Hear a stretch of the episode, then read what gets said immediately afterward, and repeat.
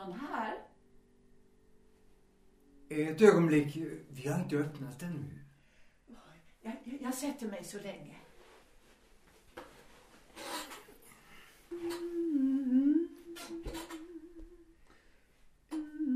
God morgon fröken. Ja, som sagt, vi har egentligen inte öppnat. Vi öppnar punktligt klockan tio. Jo, jag förstod att jag var lite tidig. Men kanske ni kan göra ett undantag för lilla mig? Nå, vad är klockan egentligen? Lite för nio. Ja, saken är den att jag inte har för vana att tala med besökare före klockan tio. För jag skopade rent framför dörren. Det gör jag varje morgon. Och sen glömde jag helt enkelt att låsa. Jag förstår. Men visst kan vi göra ett undantag för den här gången. Ja, jag kanske ska presentera mig. Mitt namn är Zackrisson, Bertil Zackrisson. Här är mitt kort. Med vad kan jag stå till tjänst? Andersson, Julia, god dag. Ja, jag var ute och promenerade och vaknade tidigt, kunde inte sova. Jag blev väckt av koltrasten. Den börjar så tidigt. Se där, ja.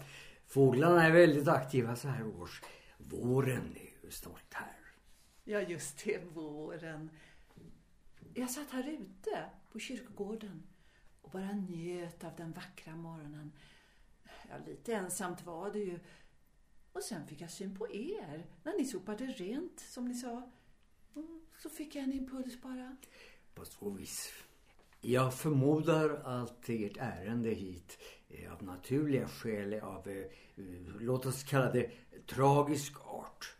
Ja, ni får förlåta mig att jag var lite avvisande alldeles nyss. Saken är den, förstår ni, att jag är van att vara för mig själv den här timmen mellan nio och tio innan vi öppnar sig.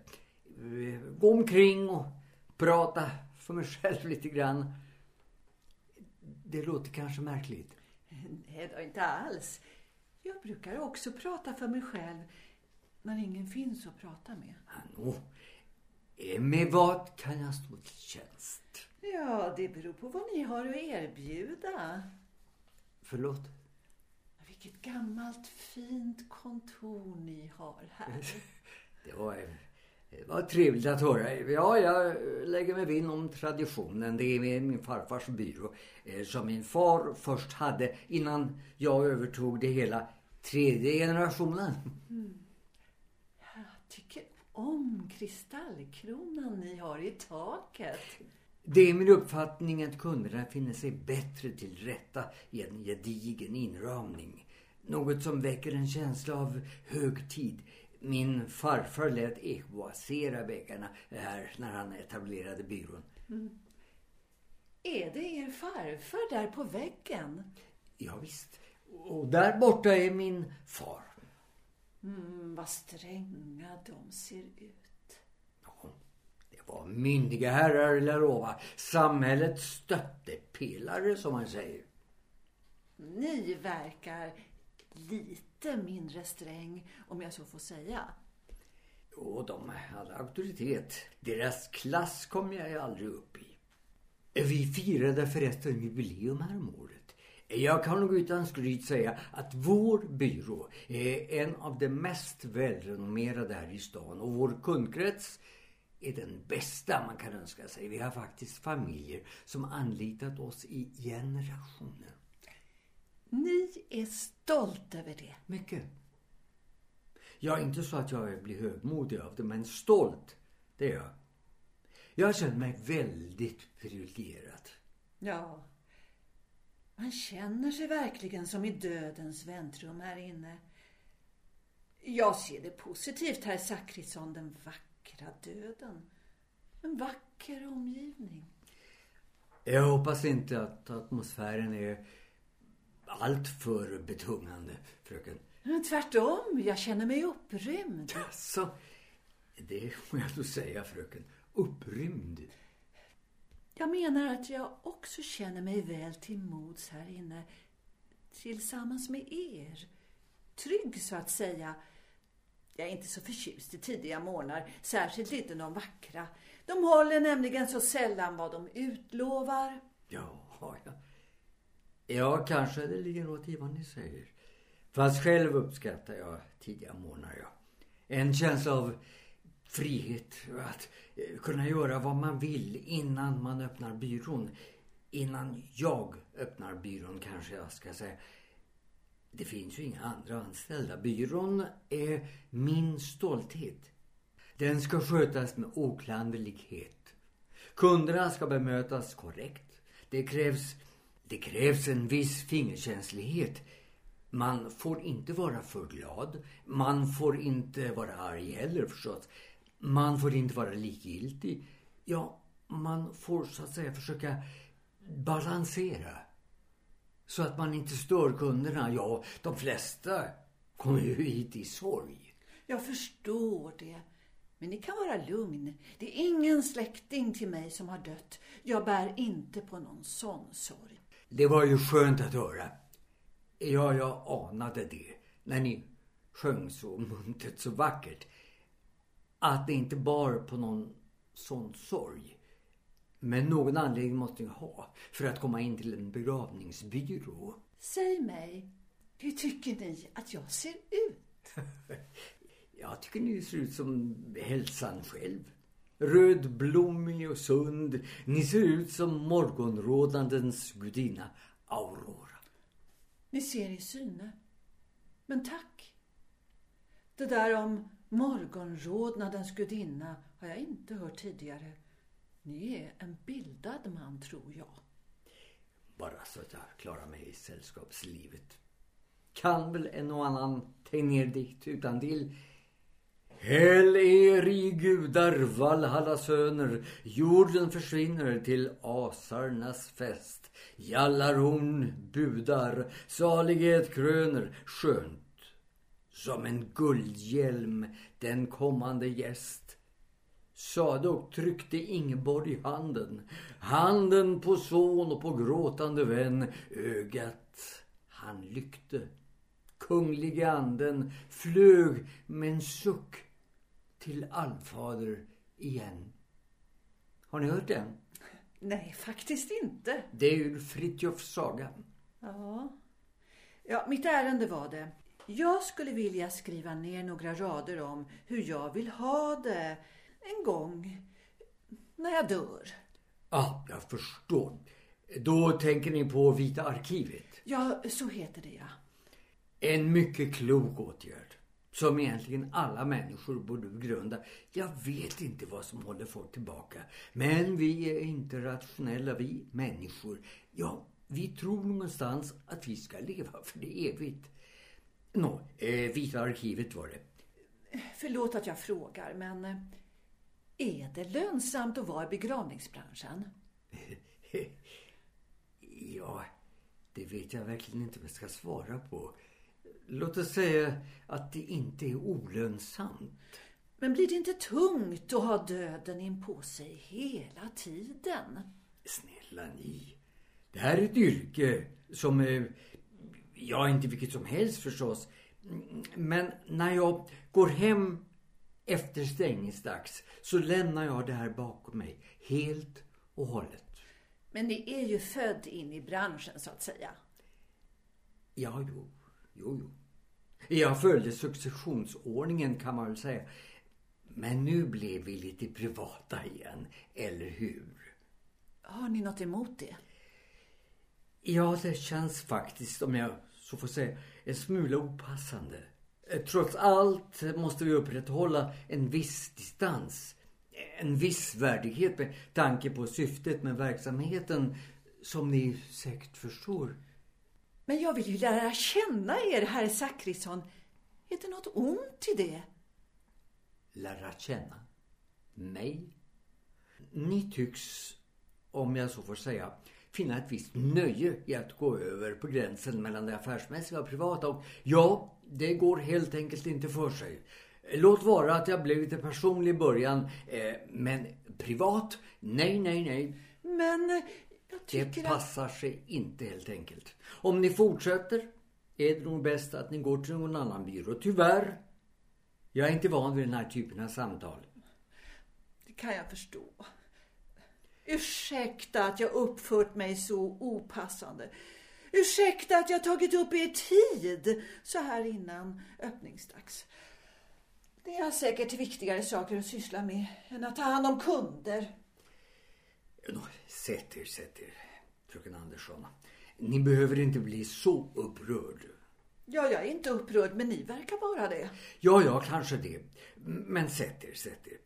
Eh, låt mig bara hämta andan ett ögonblick. Jag tror pulsen får iväg på mig. Högt blodtryck. Ja, då är det bäst att ta det lugnt. Jaha. Är det något jag kan göra för er? För mig? För mig? Eh, tack, det var hemskt vänligt. Men jag har min blodtrycksmedicin som jag tar varje dag. Det räcker gott så. I övrigt får man ta det lilla lugna. Annars kan det ju gå en illa. Så är det ju. Eh, när man var ung. Ni är väl fortfarande rätt ung? Jag är 50. Nå, eh, när man var yngre, eh, då tedde sig inte begravningsentreprenör som något drömyrke precis. Vad traktade ni efter då, som yngre? Om jag får fråga, så indiskret. Eftersom ni ber och klockan inte tio ännu, så ja, som de flesta uppväxande pojkar handlade det väl om det mesta. Från brandman till sjöman. Eller kanske polis eller upptäcktsresande. Journalist. Att resa över hela världen istället för att vara inlåst här. Jag menar, i den här stan för tid och evighet. Ni ville bort. Ja, som ung man vill man ut och se världen. Det vill vi nog alla. Jaså? Även kvinnor. Alltså, jag menar, även ni.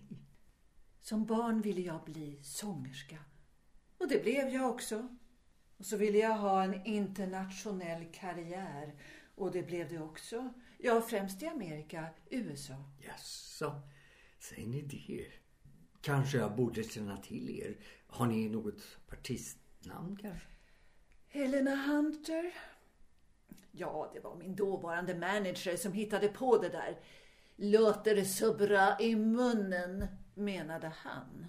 Så jag, lilla Julia Andersson från Sigtuna, blev stora Helena Hunter from Sweden.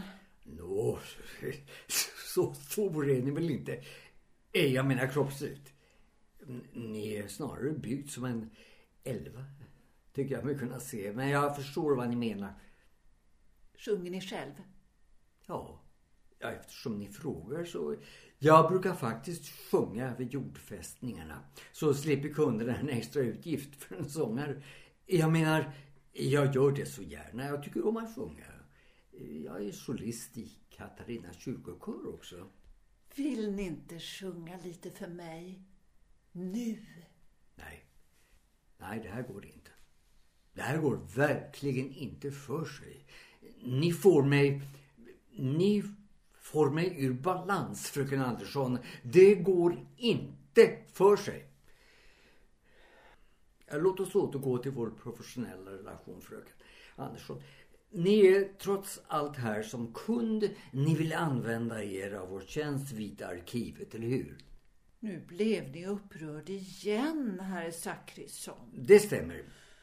Då får jag be om ursäkt igen. Det, det var aldrig min avsikt att göra er upprörd, herr Zachrisson. Jag blev bara nyfiken då ni sa att ni var sångare, liksom jag själv. Oh, det kan jag förstå.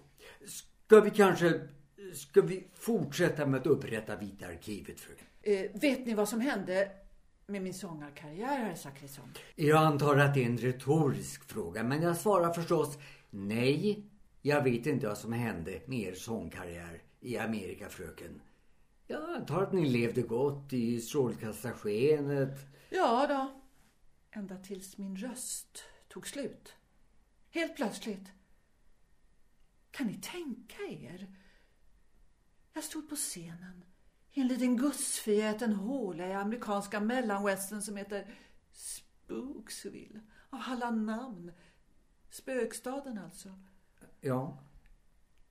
Som sagt, jag, jag stod där på scenen Det var väl en publik på, låt säga 30-40 personer. Det var inte fler. Det var ju gubevars en nattklubb och, och sen... Sen? Jag vet inte vad som hände. Jag vet fortfarande inte. Jag... Plötsligt kunde jag inte ta en ton mer. Kan ni förstå känslan, herr Zachrisson? Ångesten. Faktiskt kan jag nog det. Jag har själv förlorat mig någon gång eh, som solist i kören. Jag blev distraherad av något. Det var någon som hostade förfärligt. Men jag räddades i sista ögonblicket av dirigenten. Det fanns ingen dirigent. Jag stod där som en idiot. Fick inte fram en ton. Det blev först dödstyst i lokalen. Sen försökte orkestern starta om versen. Men jag kunde bara inte. Och sen började ropen komma. Få bort henne från scen, ta in någon som kan sjunga. Jag frös, liksom till en, en isstod där på scenen. Det såg mig som, som om jag var något man kastar bort. Som om jag var. Min manager fick komma in på scenen och nästan dra mig därifrån. Jag kunde inte röra mig ur fläcken. Som en isstod. Förstår ni känslan, herr Zachrisson? Ja, faktiskt. Även om ni kanske har svårt att tro mig, med all rätt. Men känslan, den förstår jag. Känslan av, av skam inför att misslyckas med sitt uppdrag. Andras förväntningar på en. Skammen. En fruktansvärd känsla. Det var bara att åka tillbaka till Sverige igen. Min manager lämnade mig min förvåg. Men inte innan han tömt mitt bankkonto. Han sa att det gällde utlägg han haft för mig och kontrakt som fått rivas upp och förskott från klubbar som skulle betalas tillbaka för att undvika stämningar. Jag fick börja om från början igen. Jag lider med er, fröken Andersson. Gör ni det? Lider? Gör ni verkligen det? Lider ni med mig? Jag tål nämligen inte människor som spelar spel. Förlåt. Eh, kanske det var klumpigt uttryckt. Det måste ha varit en svår situation för er. Tro mig, jag vill er bara väl. Ja, ni har förstås rätt. Ursäkta mig, herrar Zachrisson. Det gällde inte er. Det är min så kallade manager som min ilska gäller. Förstås. Och lita på en människa. Och sen märka hur allt, hela ens liv faller ihop som ett korthus. Kanske vi skulle fortsätta med Vita arkivet. Eller? Naturligtvis kan vi göra det. Nå, eh, vad var vi? Vita arkivet. Vilken vacker omskrivning. Är döden vit eller svart? Kanske den är grå. Ja, det var också ett spörsmål, fröken Andersson. Det är ju bara en metafor, en bild. Döden brukar ju anses vara svart. Svart som synden heter det ju också. Ja, det gör det också. Men man är ju sorgklädd som bekant. Förr i tiden hade ju änkorna svarta sorgflor framför ögonen. Det ansågs fel, ja faktiskt skamligt, att andra skulle få ta del av änkans sorg så tydligt. Nej, hon skulle få vara i fred från andras blickar i den svåra stunden. Den traditionen börjar tyvärr försvinna allt mer nu. Men vit är väl inte döden i alla fall, herr Zachrisson? Milde himmel! Vilka frågor ni ställer till mig, fröken Andersson. Låt oss återgå till ordningen. Men vad är egentligen ordning? I en värld där allt är kaos. Va? Jag sa, vad är egentligen ordning? I en värld där allt är kaos. Ni är för filosofisk, fröken Andersson. Även om det är kaos i världen får man göra så gott man kan för att skapa ordning. Är det svar nog? Det låter som ett logiskt svar. Tack. Ja, det var inte menat som beröm, snarare ett konstaterande. ett konstaterande. Ja, ett konstaterande att vi människor inte förstår oss på världen. Det mesta är obegripligt. I livet och i döden. Men vet ni vad, fröken Andersson? Jag, kan vi inte återgå till Vita arkivet? Jo då. Jag vill hur som helst ligga i en vit kista. Vi säger att döden är vit, i alla fall för mig. En vit kista? Ja, det ska vi väl kunna ordna. Ursäkta mig. Det känns så konstigt att sitta här framför er och så otroligt levande och, och tala om er som död. ja, det kan jag förstå. Om ni inte har ändrat er. Jag får intrycket att ni är väl spontan. Det här är ju viktiga beslut. Jag vill fylla i det idag. Nu. Men era anhöriga? Strunt i dem. Men... Eh, Låt oss strunta i de anhöriga. Men Vita arkivet är ju i hög grad menad för de efterlevande. Ni ger instruktioner till hur de ska agera i samband med er bortgång. Jag förstår det. Men nej, jag gör detta nu tillsammans med er. Kunden har ju alltid rätt, heter du. Precis. Tio slag. Nå, då känns det ju rätt att vi nu börjar med den professionella delen av vårt möte. Intressant. Jag är redo. Läs ni. Önskar ni en kyrklig eller borgerlig begravning? Gärna en festlokal. Ursa. Jag vill att folk ska trivas och ha roligt för att fira mitt minne. Om det kommer några vill säga. Jag har inga riktiga vänner. Inga nära vänner, men jag har några musikervänner. Det är de jag tänker på. Låter det konstigt? Festlokal? I ärlighetens namn, ja. Jag har aldrig hört ett liknande önskemål någonsin tidigare. Någon gång ska vara den första, eller hur? Skriv jazzklubb. Samlingssal efter akten. En festlokal. Gärna en jazzklubb. Nå, vill ni ha en jordbegravning eller kremering? Kremering, definitivt. Jag är alldeles för vacker för att ruttna bort i jorden. Tycker ni inte det, herr Zachrisson? Eh, kremering. Jag skojar med er. Ta inte illa upp. Och askan ska strös i havet. Askan strös med fördel i havet. Är det något speciellt vattendrag ni tänker er, fröken Andersson? Ja, det är det faktiskt. Mälaren. Utanför Grinda. Jag har fina minnen därifrån. Mälaren utanför Grinda. Ja, vi försöker förstås tillgodose i den mån det är möjligt en kunds önskemål. Några tankar kring själva akten? Begravningsakten alltså. Nej, det har jag aldrig tänkt på. Förutom att några av mina favoritlåtar spelas av en liten orkester. Jaha. Eh, kanske fröken har några titlar? Det ska vara några evergreens. Helst jazzbetonade. Nu är det ju mest slager som gäller. Bibi Jones, minns ni? Leka med elden. Hon är född i Arboga förresten. Eller Anna-Lena Lövgrens Se mig i ögonen älskling. Det är inget för mig, nej. Summertime, Gershwin. Det är nog den viktigaste. Och Autumn Leaves. Jag älskar Nat King Coles version. Ja, ja, ni kan ju komplettera lite senare. Om jag inte dör imorgon. Men varför skulle ni... Ursäkta min framfusighet, men jag menar, har ni några skäl för att tro något sånt? Det vet man aldrig, så. Ja, jag förstår att ni inte vill gå in djupare på ämnet.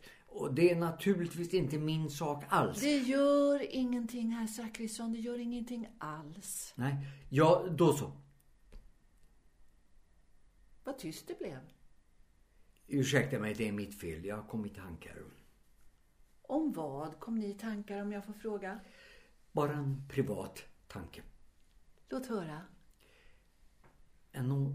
Eftersom ni insisterar. Jag skulle nog helst vilja se er högst levande i många år ytterligare. Ni är ju ändå så ung. Hur gammal tror ni att jag är? Ja, kanske 35, 40. 40. Är det verkligen möjligt? Ni ger mig en komplimang, verkar det som. Det var verkligen inte meningen. Eh, Jag menar, det hela skulle väl kunna tolkas som en sådan komplimang. Ja, kanske det. Ingen fara. Ni är inte den första man som ger mig komplimanger. Men kanske den sista. Nej, jag koketterar med den här situationen. Ni måste avsky mig. Avsky? Nej, det är nog snarare det motsatta. Alltså, jag menar, eh, fröken Andersson... Ska vi inte lägga bort titlarna? Eh, ja, varför inte? Men eh, då jag är den äldre är det jag som ska fråga er. Jag gör det då.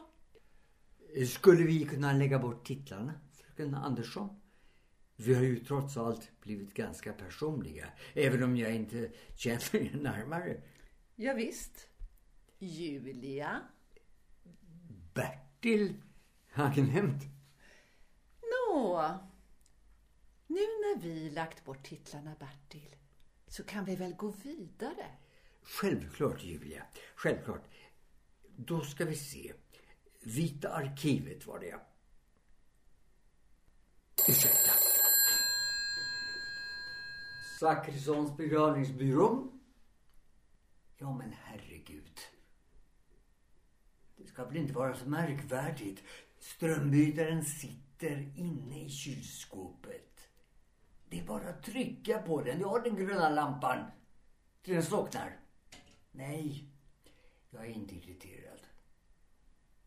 Men jag förstår inte att det ska vara så svårt att frosta av ett kylskåp. Nå, jag kan inte prata nu. Jag är upptagen av kundbesök. Bra, bra. Ursäkta, var var vi? Jag vet inte riktigt. ja, inte jag heller. Jag förmodar att det var frun. Ja, det ska gudarna veta. Tycker du inte om att vara gift? Jo, för all del. Jag menar, jag älskar min hustru. Vi har ett mycket nära förhållande. Eller? Eller? Ja, efter alla dessa år kan man väl säga att vi har ett nära vänskapsförhållande. Om du nu ville veta det. Jag har nog förstått att det blir så. Vilket? Att kärlek övergår i vänskap. Men eh, om jag nu får vara frimodig, vilket jag hoppas nu när vi lagt bort titlarna, så låter det i mina öron ganska trist och grått. Måste vara som att befinna sig i en igenvuxen sjö, föreställer jag mig. Men eh, ni kanske har barn?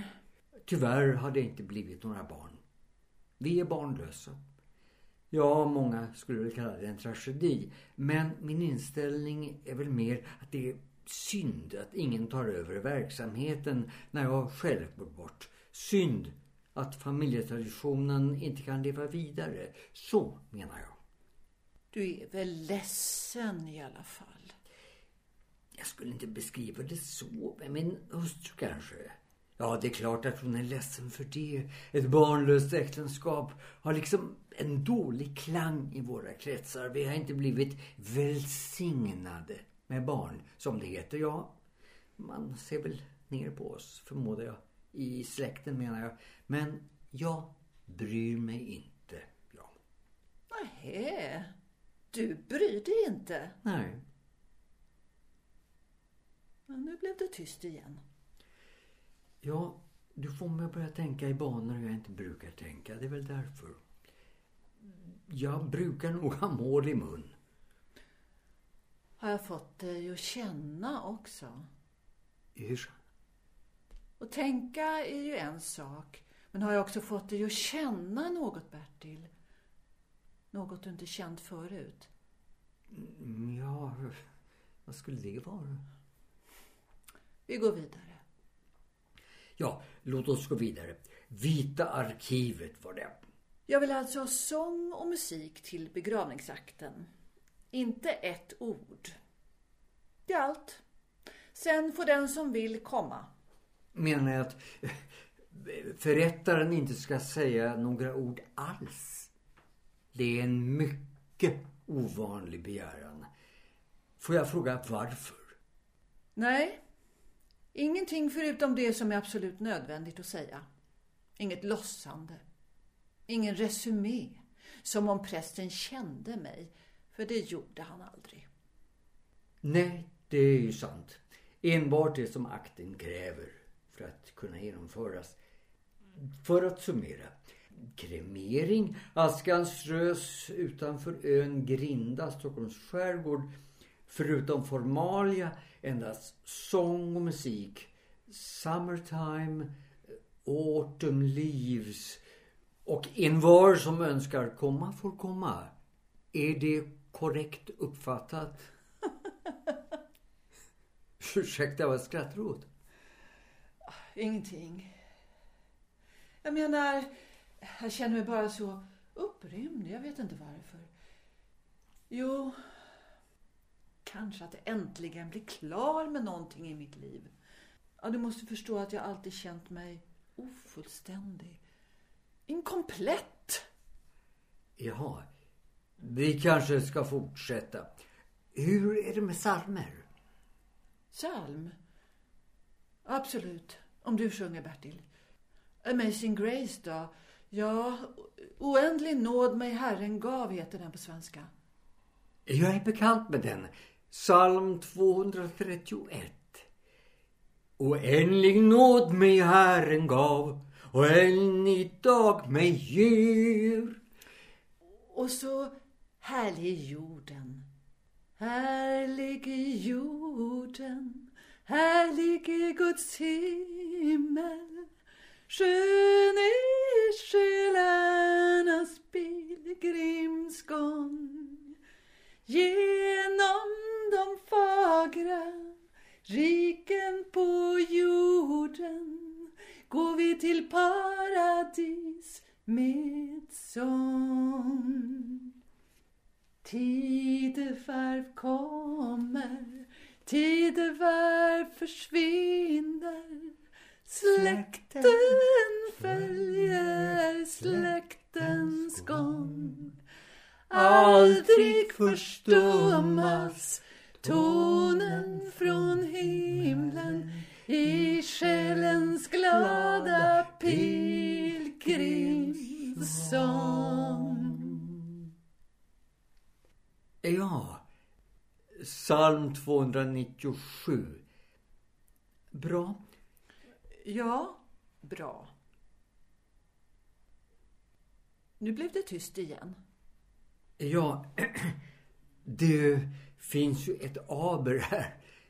Julia, du vill att jag ska sjunga men det finns inga garantier för att jag inte lämnar denna jord tidigare än du.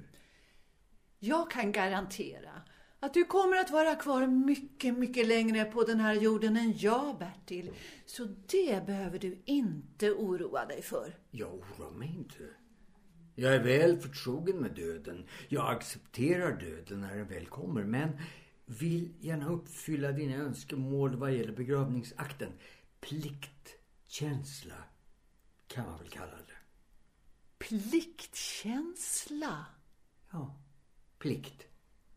Det viktigaste är väl att leva sitt liv på ett sånt sätt att man kan vara stolt över det efteråt. Efteråt? Vad spelar det då för roll? Nå, för de efterlevande släktingarna då. Att man har varit en hederlig och rättskaffens människa helt enkelt. Att man gjort sin plikt mot andra. Gud, vilken hopplös filosofi. Vad finns väl att leva för annat än kärleken? Ja, självklart kan man uppfatta olika värden i livet. Det är ju en vars rätt. Menar du att du aldrig har älskat? Jag menar älskat på riktigt. Ja, det här samtalet, jag, jag vet inte. Jag förstår inte varför du måste vara så utmanande hela tiden, Julia. Förstår du inte att du nästan hela tiden går över gränsen? Bertil, vi pratar ingående om döden. Min död. Då har vi väl blivit så privata som vi bara kan. Kan vi väl prata ingående om kärleken också. Är det något konstigt med det? Du, du har väl rätt i sak, men ändå... Vågar du inte prata om kärleken? Bara om döden? Jag förstår att det kan verka motsägelsefullt, men du måste minnas att jag är uppväxt med döden så att säga vid min sida från farfar och vidare till min far. Men har du inte upplevt kärleken? Ja, men du ger det inte du, Julia! Jag har ju inget att förlora. Om du ber mig gå nu har du förlorat en intresserad kund som du nu har pratat begravningsplanering med ganska länge. Du har naturligtvis rätt. Nå? Nej.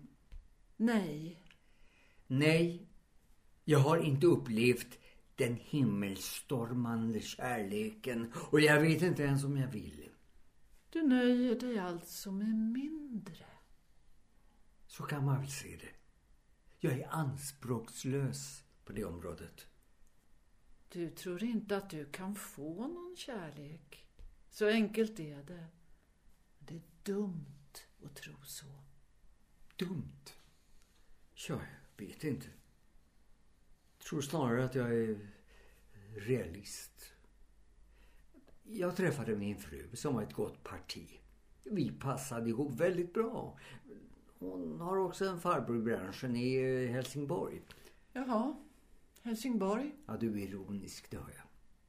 Ja. Det kan kanske verka mindre romantiskt för dig, men jag vill hålla mig till fakta. Det som betyder något. Du måste ha kontroll. Ja, det ligger väl något i det.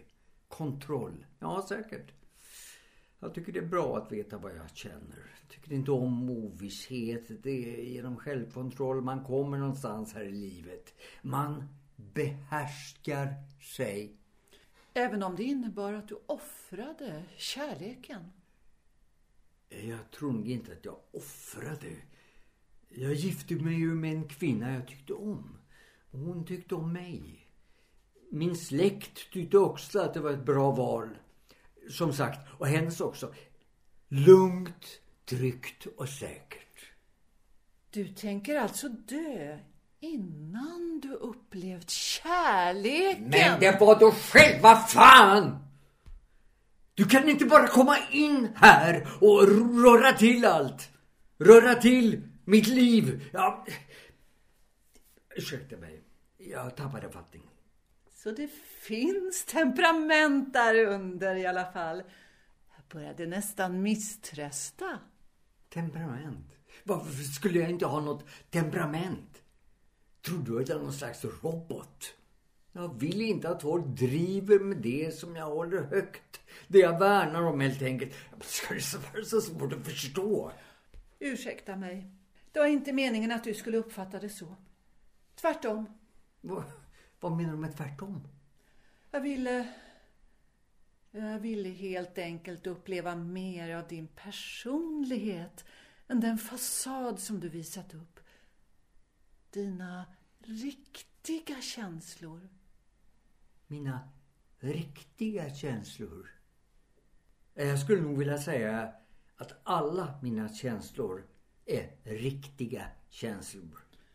Ja, det förstår jag att du tror. Att mista kontrollen är för mig... Det, det skulle vara som...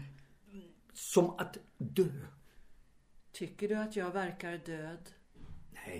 Förstås inte. Men kanske neurotisk.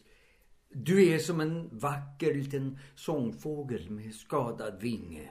Men jag dömer dig inte. Jag förstår att du har haft det svårt. Ett svårt liv. Bry dig inte om mig. Jag klarar mig. Jag har alltid klarat mig själv. Jag måste klara mig själv.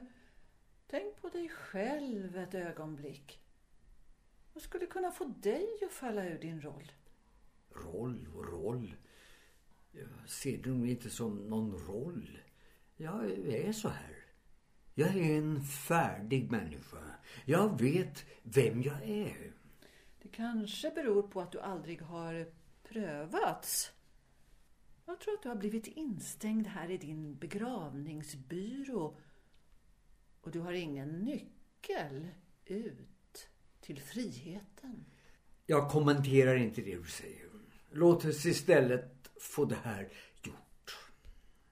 Även om jag skulle ha nyckeln. Nyckeln? Nej, låt oss komma vidare. Eh, kistan. Har du funderat på hur kistan ska se ut? Du ser de här på eh, planschen. Så finkänsligt att du har kistbilderna innanför ett skåp så de inte syns när man kommer in. Det här är våra standardmodeller, olika prisklasser. Dyrast är ek. Billigast furu. Men de ska väl ändå bara brinna upp? Förvisso. Tänk så många vackra kistor som brinner upp i onödan. Skulle man inte kunna använda dem fler gånger? Tycker du verkligen att det skulle vara en god idé? Tro mig, ingen vill ligga i någon annans kista. Jag tror faktiskt inte att döingen bryr sig så mycket om det. Men det var anhöriga, Julia. De anhöriga. Det, det passar sig helt enkelt inte. Ska det vara så svårt att förstå det? Nu är du upprörd igen, Bertil. Ja, men det är väl självklart. Vem skulle väl inte bli det av de här, de här fasonerna? Ja, det, det som du håller på med, uppriktigt sagt, det är väldigt omoget. Herregud, du är i alla fall 40 år, sa du. Det passar sig helt enkelt inte. Det är möjligt att du kan skoja med det här med dina glada, frispråkiga jazzvänner. Men det här, det här, det här är en inrättning avsedd för tradition, för stil, för värdighet. Med ditt tal så släpar du allt i smutsen. Ja, i smutsen! Det är mitt liv du talar om. Förlåt mig. Jag har ett bra liv. Jag har ett bra äktenskap. Jag behöver inga goda råd eller några fräckheter från en för mig helt främmande person. Jag sa förlåt. Jag tror att det är bäst att ni går nu, fröken Andersson. Men Bertil. Jag tål mycket, fröken Andersson, men det finns gränser för varje människa, även för mig. Är detta ditt sista ord? Ja, jag förmodar det. Här har man slösat bort nästan en timme som jag kunnat spendera på annat sätt. Ursäkta mig, men eh, hur då? Hur då? Jag är ju en kund. Och det här är en affär där man säljer begravningsutstyrslar, eller hur? Ja, det, det är en anrik affär det här. Vi har trots allt haft öppet i 70 år oavbrutet. Ja, det är fint här. Ja, som sagt. Vi försöker upprätthålla hög klass längs hela linjen. Värdighet inför livets slutskede. Ja. Nu blev det tyst igen. Ja. Vill du... Jag menar ni. Att jag ska gå igen? Nej, jag brusade upp. Det var klumpigt av mig. Det var mitt ansvar. Jag förlorade fattningen. Kontrollen? Ja, just det. Kontrollen. Det är egentligen ofattbart. Men tack och lov finns det ju inga fler kunder här inne. Det skulle just sett ut till... Kan vi återgå till att dua varandra? Kan man göra så? Det skulle göra mig så glad, herr Zachrisson. Nå, det blev ju så konstigt det här. Så visst, låt oss börja om från början. Ja, vi börjar om från början. Låt oss lägga bort titlarna. Ja, Bertil heter jag. Julia, jazzsångerska eller före detta? Ja, Och vad gäller kistorna spelar det ingen roll. Jag tar den kista du tycker är lämplig. Pengarna spelar ingen roll. jaså. Jaha, kanske vi då ska välja en kista i mellanläge, en lagom kista så att säga. Varken för billig eller för dyr. Ja, visst. Kryssa i det. Lagom-kistan, den passar bra till mig. Jag känner mig väldigt lagom. Anar jag någon ironi här? Nej, jag menar det. Jag är lagom. Jag var ingen vidare sångerska när allt kommer omkring. Jag slog aldrig igenom på Broadway, så att säga. Medioker. Betydelselös för de flesta. Ingen i Sverige känner för övrigt till Miss Helena Hunter. Om vi bara hade fått göra några skivor. Åh, nå, det vet man väl lite om hur hårt det är där i Amerika. Inget att sörja över. Att ni inte fick någon karriär där. Det är väl klart att jag sörjer över det som aldrig blev till. Det är som ett barn som aldrig blev till. I synnerhet som man aldrig har fått något barn. Ja, ursäkta. Det var dumt av mig, men eh, har du verkligen inga släktingar alls kvar? Mor, far? Döda, ingen släkt. Ja, förutom en moster, men hon bor i USA. Inga syskon. Inga anhöriga. Ingen. Det låter väldigt ensamt. Men du har väl många vänner ändå? Om inte annat från ditt musikerliv? Det var där borta, i Amerika. Här finns några musikervänner. Men de är inte mina hjärtevänner om du förstår vad jag menar.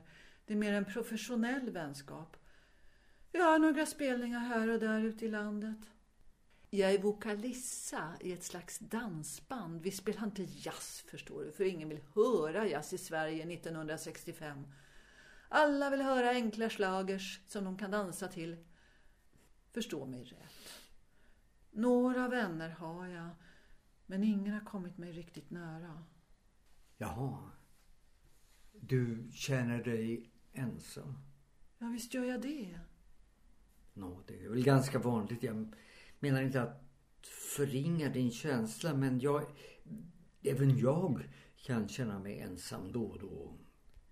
Trots din fru? Ja, en fru kan väl inte vara allt. Liksom en make förstås inte kan vara allt för den andra heller. Det, det blir alltid något som fattas i, ja, i livet.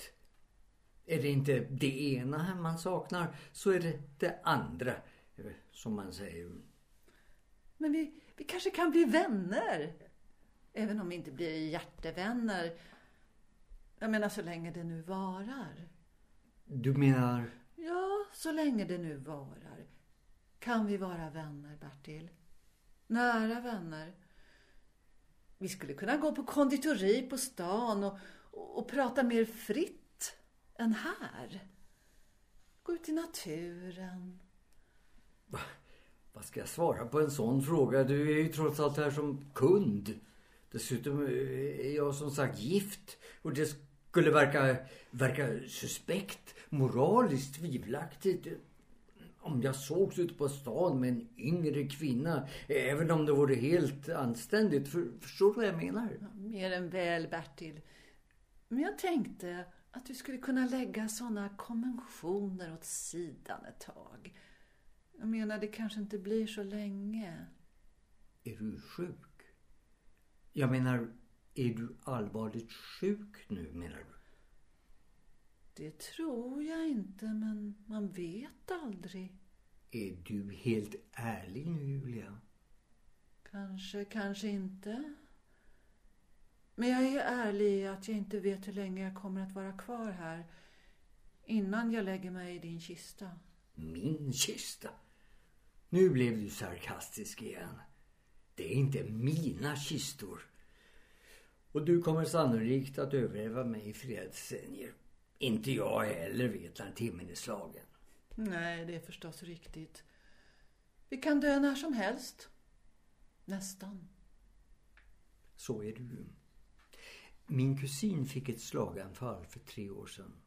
Han blev förlamad i halva kroppen, kunde inte prata eller gå. Låg mest som ett kolli i cirka tre månader sedan dog han. Ögonblickligen under en natt. Jag tror personligen att han fann det bättre att dö än att vara som han var. Och jag tror att jag skulle ha gjort som han om jag var i samma situation. Döden är ju egentligen inget att vara rädd för. Det är att somna in bara. Men man vaknar ju aldrig igen. Nej, det är förstås sant. Men vi vet egentligen ingenting. Kanske vi vaknar upp någon annanstans. Det är väl klart att jag många gånger själv har ställt mig den frågan. Jag är inte kristen på något vis. Men det är klart att berättelserna från Bibeln har påverkat den sedan barnaåren. När du dör, kan du då säga att du har levt? Det var också en fråga. Men jag förstår att den är allvarligt menad, så jag ska försöka svara. Man kan väl säga att jag är nöjd med mitt liv. Ja, inte fråga om det bästa möjliga livet, men inte heller det sämsta möjliga livet, så att säga. Det är gott nog. Man får inte ha för höga förväntningar. Då blir man alltid besviken. Eller hur? Ett lagom liv. Lagom liv? Ja, kanske det. Framförallt ett hederligt, anständigt liv. Där jag har gjort vad jag kunnat för att, för att, jag, för att min fru och jag ska ha ett bra liv. Och, och att byrån eh, kunnat leva efter de riktlinjer som min farfar en gång myntade. Med respekt och integritet. Så har jag levt. Ja, jag är inte död än. Nej, du är inte död än. Inte jag heller. Vi kanske har lite tid kvar då. Vi kan göra något roligt. Om det är spritförtäring du avser med detta att göra något roligt så är jag nog inte rätt person. Min far var helnykterist och jag har gått i hans fotspår. Har du aldrig försökt att bryta dig ut? Bryta mig ut? Vad är det för uttryck? Som om jag befann mig i ett fängelse. Den här byrån är väl som ett fängelse för dig? Du verkar ju knappt kunna gå utanför dörren. Vet du vad, Julia? Här inne känner jag mig tvärtom fri. Jag har... Kontroll. Just det. Jag har kontroll över allt som händer innanför de här väggarna. Och när jag har kommit hem så vet jag vad som ska hända. Min fru har lagat middag och vi äter stillsamt och lugnt. Och sen läser jag dagens tidning och så tittar vi lite på televisionen och pratar lite om ditt och datt. Om dagen har varit och, och sen är det dags att gå och lägga sig. Det är tryggt. Förutsägbart. Men tänk om du skulle må bra av att ha mindre kontroll. Att det inte var så förutsägbart. Något som gjorde att du blev överraskad. Det tror jag faktiskt inte. Människor är olika, förstår du, Julia. Även om du vill skapa kaos omkring dig, om jag så får säga, finns det människor som vill ha lugn och ro. Vet du vad jag tror? Nej, nej. Hur i hela friden skulle jag kunna veta det? Jag är ingen tankeläsare och tror inte att sånt existerar heller. Jag känner att du är livrädd för att släppa in kärleken i ditt liv. Den verkliga kärleken alltså. Fast du vet någonstans att det är det enda som kan rädda dig från att dö medan du ännu lever. Kärleken alltså. Ja, nu, nu klampar du in väldigt mycket i mina privata angelägenheter, Julia. Igen. För sista gången. Låt mig vara som jag är. Låt mig vara den jag är. Försök inte att förändra något som inte kan förändras, som inte ska förändras. Jag vill hjälpa dig att leva, förstår du inte det? Leva mer fullt ut. Innan det är för sent. Som om du skulle kunna... Jag menar inte att vara respektlös. Men det tror jag faktiskt inte du kan. Låt oss konstatera att du lever ditt liv, jag lever mitt liv och det är som det är. Nu ska jag bekänna en sak, Bertil. Det var inte första gången jag såg dig i morse. Vad, vad säger du? Det var så här. En gång slank jag in i kyrkan. Det var en jordfästning. Jag blev sittande längst bak. Ingen brydde sig om min närvaro. Ingen visste ju vem jag var hur som helst. Men då hörde jag dig sjunga. Det var så vackert. Och jag tyckte om ditt ansikte. Det är manligt. På ett fint, gammaldags sätt. Ja, jag tycker om ditt ansikte, Bertil, det ska du veta. Jag tycker du har en fin kropp. Ja, högrest, breda axlar. Jag blir inte upprörd nu, Bertil. Alltså Jag har sett dig gå på promenad med din fru. Hon verkar rar. Ni brukar gå uppåt Fjällgatan och dricka kaffe där. Men ni verkar knappt prata. Har ni talat färdigt med varann? Har du verkligen inte lagt märke till mig? Jag skulle nog kunna bli en bra privatdetektiv. Se men inte synas. Förra sommaren, när det var så varmt, hade ni ofta fönstren öppna i er vackra jugendvåning på första våningen. På kvällarna brukade jag ofta promenera längs med er gata och ibland kunde jag se dig stå där vid fönstret och titta ut mot solnedgången. Och du såg så gränslöst ensam ut. Du har alltså spionerat på mig och min fru? Så vill jag inte kalla det. Bara observerat. Som en fågelskådare med kikare.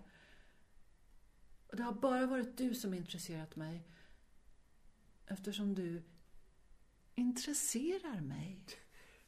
Det här är ju helt ofattbart. Ja, jag borde väl egentligen anmäla dig till polisen. Men nu när jag vet mer om dig så...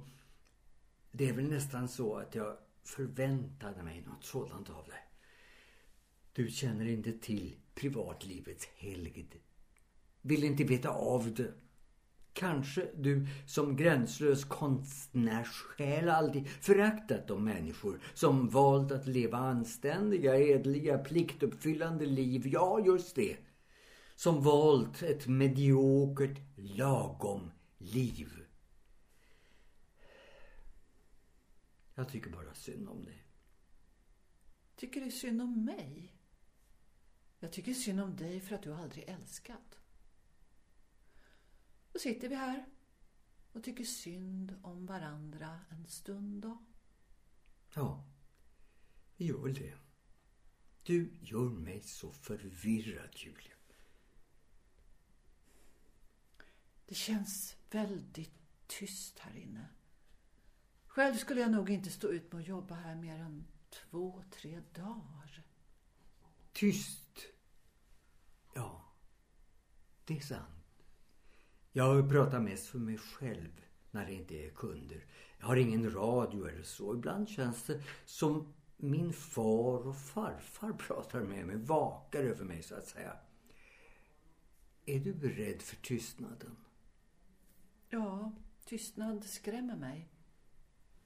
Det liksom omsluter mig som om det ville upplösa det som jag är i atomer.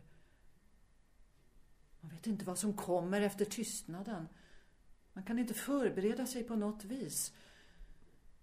Som döden. Men just döden kan man ju förbereda sig på. Det är därför vi har Vita arkivet. Ja, det förstås.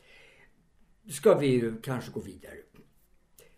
Nå, eh, vi har svepningen kvar. Vill du bli placerad i kistan i egna kläder eller svepas? Ska det vara öppen eller stängd kista? Ja, ingen vill ändå se mig, så stäng du locket. Kläder. Jag kom in naken i den här världen och då kan jag gå ur den naken också. En passande sorti. Och vad kostar nu kalaset? Jag menar alltihopa. Svepning alltså. Menar du att du är färdig med önskemålen? Varför skulle det inte vara färdigt? Vad kostar det? 14 000 kronor? 15 000 kronor. Ja, jag har faktiskt gjort vissa förfrågningar över telefon tidigare. Jag är ju inte helt tappad bakom en vagn. Jag har sparat länge så det ska räcka till min hedanfärd och jag skriver ut en check. Det blir lättast så. Jag vill få det här gjort en gång för alla. Eh, jag, eh, ett ögonblick ska jag räkna ihop det hela. Ja, det är Lugna Gatan. Eh, du hade nästan rätt. Totalsumman enligt vår genomgång blir 13 600 kronor inklusive omsättningsskatten. Jag skriver ut en check på 14 000 kronor för säkerhets skull. Den har täckning så du behöver inte vara orolig. Jag har sparat länge här i Sverige. Så länge jag vetat att det snart är slut med lilla Julia Andersson från Sigtuna. Jag är inte orolig för pengarna. Jag är orolig för dig. Det är ju tal om att det snart är slut. Jag menar, vi är inte längre helt främmande för varandra. Men vi är inte älskande heller. Älskande? I ärlighetens namn vet jag inte vad älska egentligen betyder. Jag undrar om någon vet det. Är det inte bara något som man säger på film? Men om jag skulle säga att jag älskar dig, skulle du tro på mig? Nej, verkligen inte. Jag menar, jag skulle naturligtvis känna mig hedrad. Att någon skulle kunna känna så för mig. Jag är trots allt bara en, en slags grå mus. I det närmaste osynlig, obetydlig. Men nu är det i alla fall så. Vadå? Att jag älskar dig.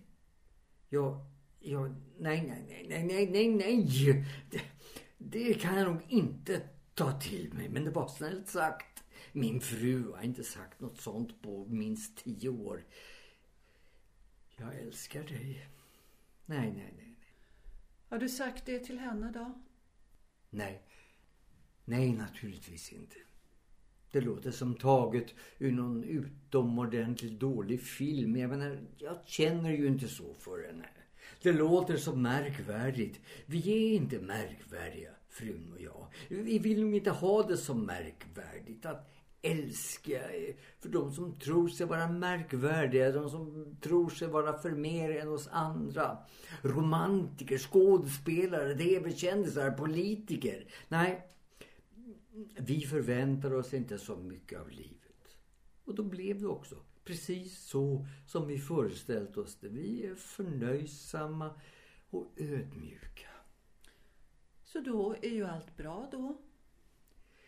Ja, det är det väl. Ja, då så. Då är vi väl klara med varandra, eller hur? Ja. Vita arkivet är ifyllt och betalningen har skett via check. Var god och underteckna här med datum och fyll i adressen också. Ja. Så. Vi är väl klara med varandra då? Ja. Då ska jag gå då. Ja. Du ska väl gå då. Ja, adjö då Bertil. Adjö, Julia. Men Julia? Ja, Nej, nej det var ingenting. ingenting. Nej, ingenting. Vita arkivet är klart. Allt är i sin ordning. Allt är som det ska vara. Ja, nu är det som det ska vara. Vi ses när vi råkas.